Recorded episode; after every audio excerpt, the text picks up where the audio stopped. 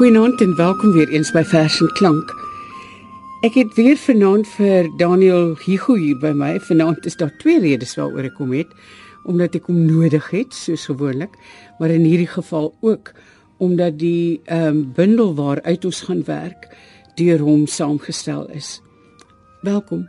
Baie dankie Margo. Ons gaan vanaand kyk na Olga Kirsch se ehm um, 'n keur daarvan uit haar werk uh met die titel Nou spreek ek weer bekendes aan en die keur is inderdaad gedoen deur Daniel Ligo en dit het by Human en Resou verskyn. Daniel, uh, het jy haar ooit geken? Ja, ek het haar in Israel ontmoet. Sy het mos geëmigreer na Israel in 1948 toe Israel onafhanklik geword het na die Tweede Wêreldoorlog en ek het in die 90er jare 'n radioprogram 'n hoorbeeld oor haar gemaak en die SAIK was so goed om vir my reis so intoe te betaal. Ek moet ook daarom sê met die hulp van die Israeliese toeriste departement. Mm. So ek het 'n onderhoud met haar gevoer en dit was 'n baie aangename ontmoeting, ja. Sy is sy kom uit Koppies uit in die Vrystaat. Ja, sy is in 1924 gebore in die Vrystaat. Haar pa was 'n 'n Joodse immigrant uit Litouwe. Hy het vroeg in die 1900s na Suid-Afrika gekom as 'n jong man en toe met haar ma getrou en uh, hulle het in Koppies in die Vrystaat gewoon. Sy het in Afrikaans skool gegaan, laerskool, maar toe is sy vir die hoërskool na Bloemfontein na die hoërskool Unisie. Ja. En sy het ook gaan studeer by die Universiteit van die Witwatersrand, dan ook natuurlik in Engels. Sy het gestudeer onder CM van den Heever, was haar professor in Afrikaans, Suid-Afrikaans en Engels was haar hoofvakke. Hmm. Maar sy het ook ehm um, jy het vir my vertel van die vier tale. Ja, sy het eintlik in vier tale geleef. In Afrikaans, waarin sy begin skool gaan het en in die omgewing was waarin sy groot geword het, Koppies in die Vrystaat, was dan die taal van haar hart en eintlik die eerste taal waarin sy begin gedigte skryf het ook. Toe het sy in Engels hoërskool gegaan en gestudeer by die Universiteit van Witwatersrand. Sy het natuurlik ook as kind reeds Hebreëus geleer mm. in die sinagoge, die sinagoge skool, want dit is die taal van die godsdienst, die Judaïsme. En toe sy na Israel gaan, moes sy Ivriet leer, dit is dan moderne Hebreëus voordat sy 'n burger van Israel kon word. Dit is dan die taal van die politiek of van die sionisme. Kort nadat sy in Israel aangekom het, het sy 'n wiskundige ontmoet, 'n Brit, uh, Joseph Gillis. En hulle is getroud. Hy het 'n uh, klas gegee by die Weizmann Instituut in Rehovot, daar in Israel en sy het ook later daar klas gegee in Engels. Ja, hy was ook lid van die weerstandsbeweging in Israel gewees na die oorlog. Want uh, na die oorlog is Israel eintlik beset en beheer deur Brittanje en die Jode, die Sioniste moes nog 'n stryd voer teen die Britte om Israel terug te wen okay. as dit ware. Ja. Wat gaan ons lees? Ja, ek gaan uh, begin met 'n gedig uit haar debuutbundel Die soeklig wat in 1944 verskyn het, dit was dus nog tydens die Tweede Wêreldoorlog. Sy was te 20 jaar oud en sy was maar die tweede vrou wat in Afrikaans 'n digbundel uitgegee het. Voor haar was dit natuurlik Elisabeth Eybers. En hierdie gedig gaan dan oor 'n soldaat wat gesneuwel het tydens die oorlog, duidelik ook 'n 'n Joodse soldaat en hy het in Italië gesneuwel. Rouweek. Wat baat dit dat al 7 dae lank hier in die donker voorhuis sit te rou en deurel trane in die boek van Job lees en probeer vergeet en vel onthou. Dat mense in die aande deur die reën se fluistervlae kom om saam te bid, nat skoene wat droef skuifel oor die vloer en later lank en sprakeloos bly sit. Kan hierdie hete trane en gebede sy hittelose liggaam binnendring hom oprig uit sy graf by Castiglione en aan die tafel van sy ouers bring.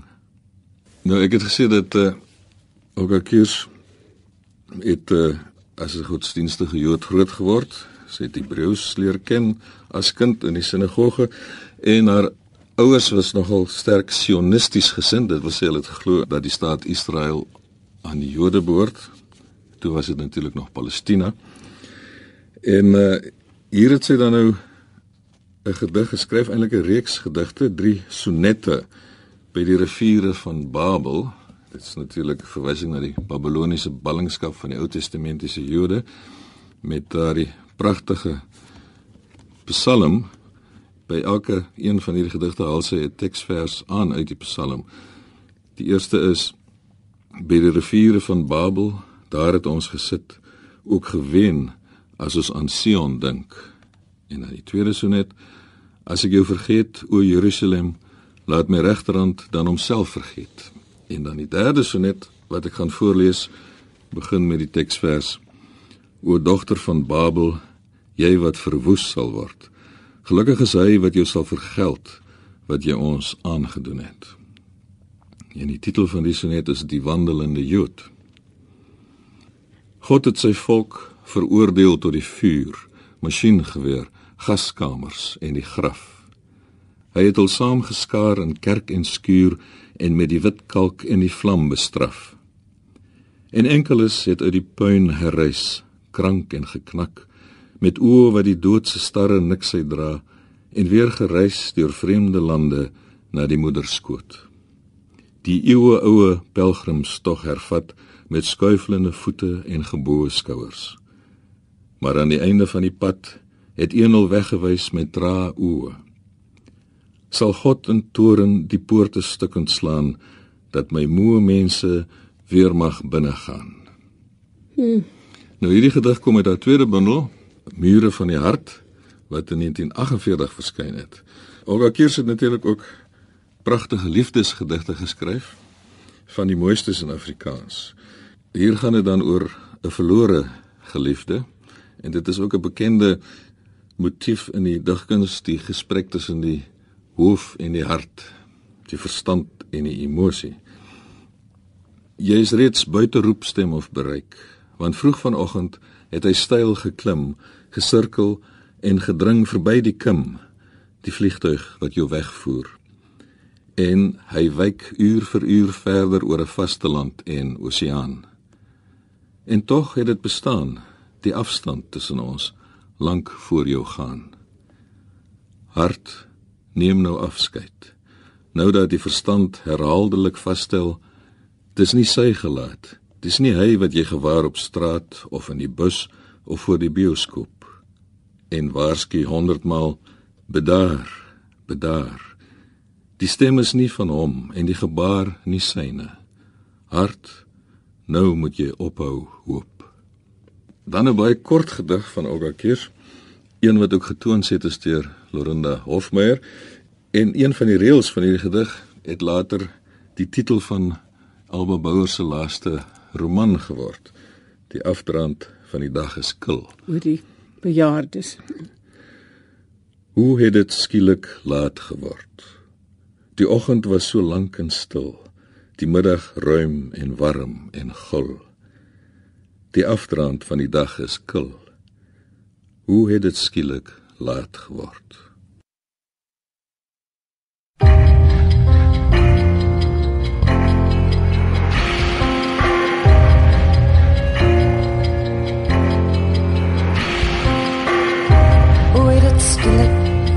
Laat geword.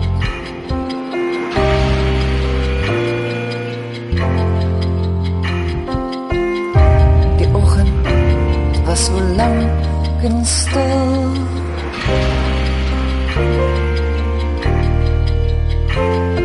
Die middag ruim en warm en gul. Die afdraand van die dag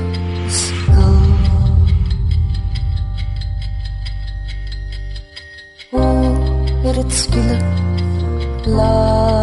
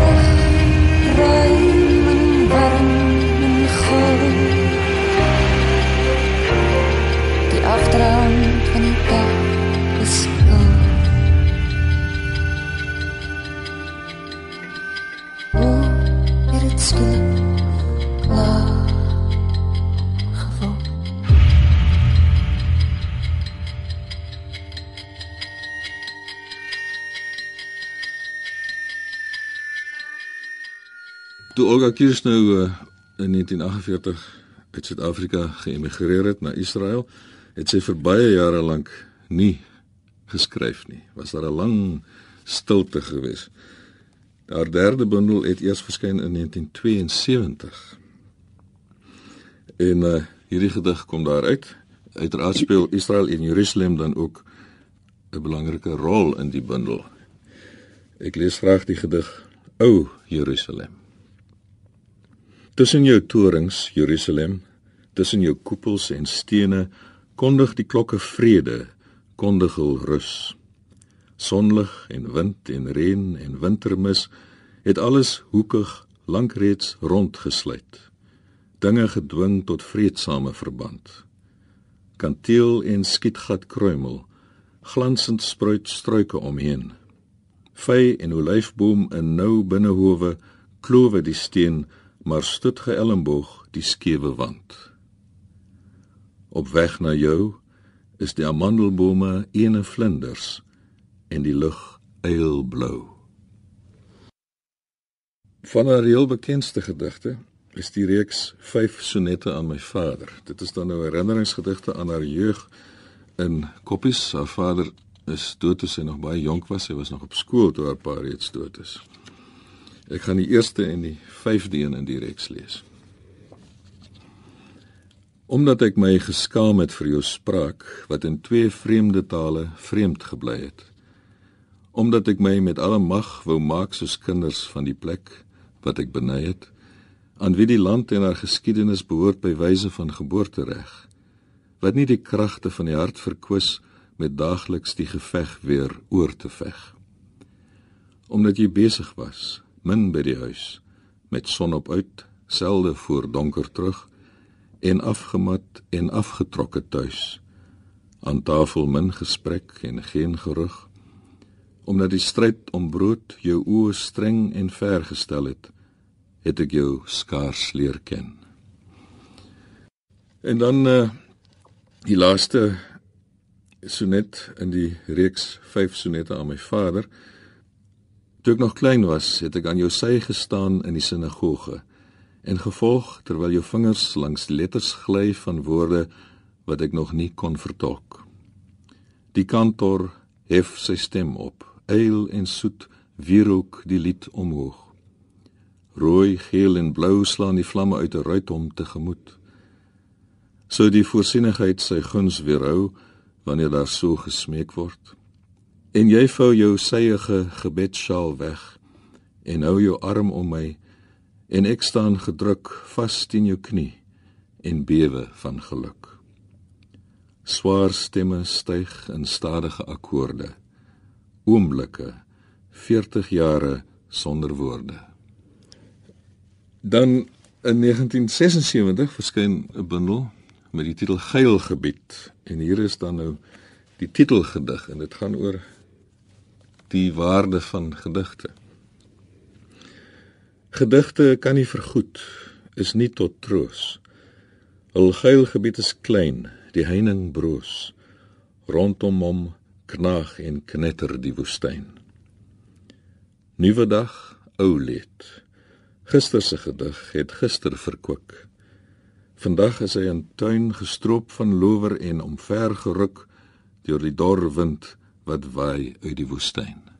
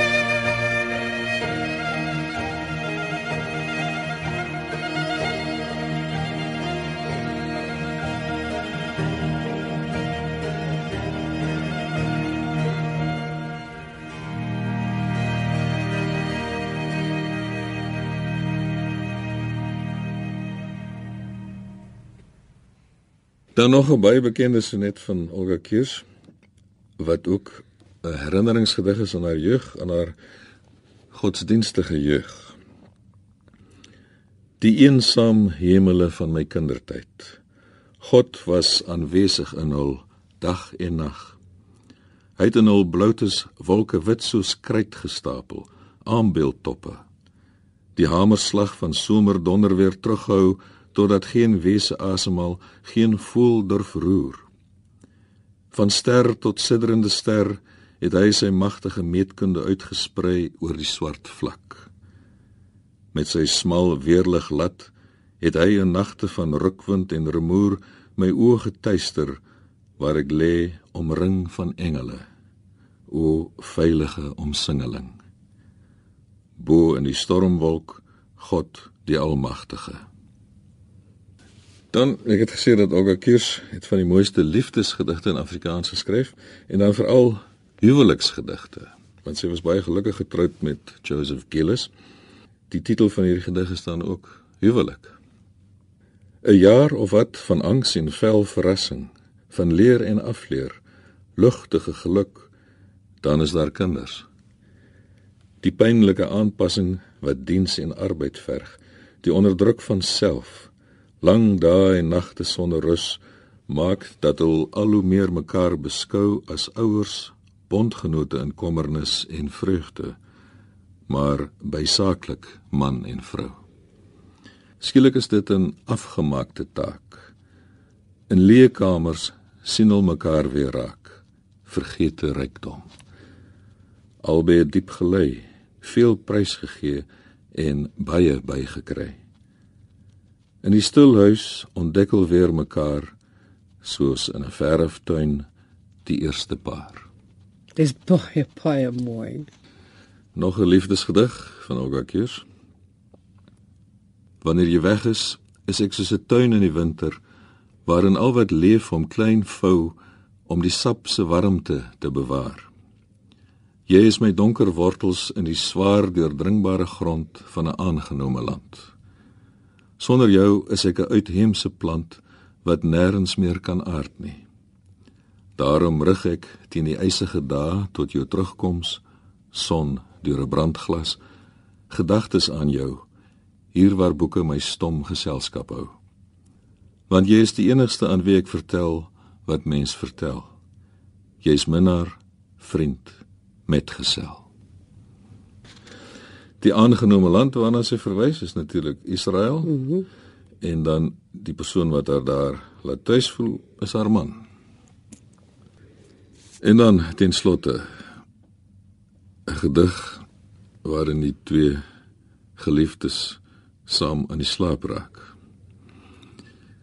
Voordat ons inslaap, lê ons soms sy aan sy arms om mekaar, hoof op 'n skouer gestut en fluister vaak oor alles en niks of dit en skrik op, dit weer.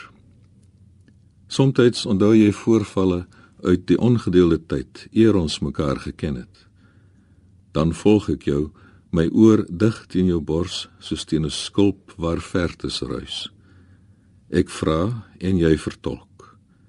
So tregter nag ons in sy donker kolk totdat ons tussen lettergrepe gly na afgronde waar slaap en droom ons skei.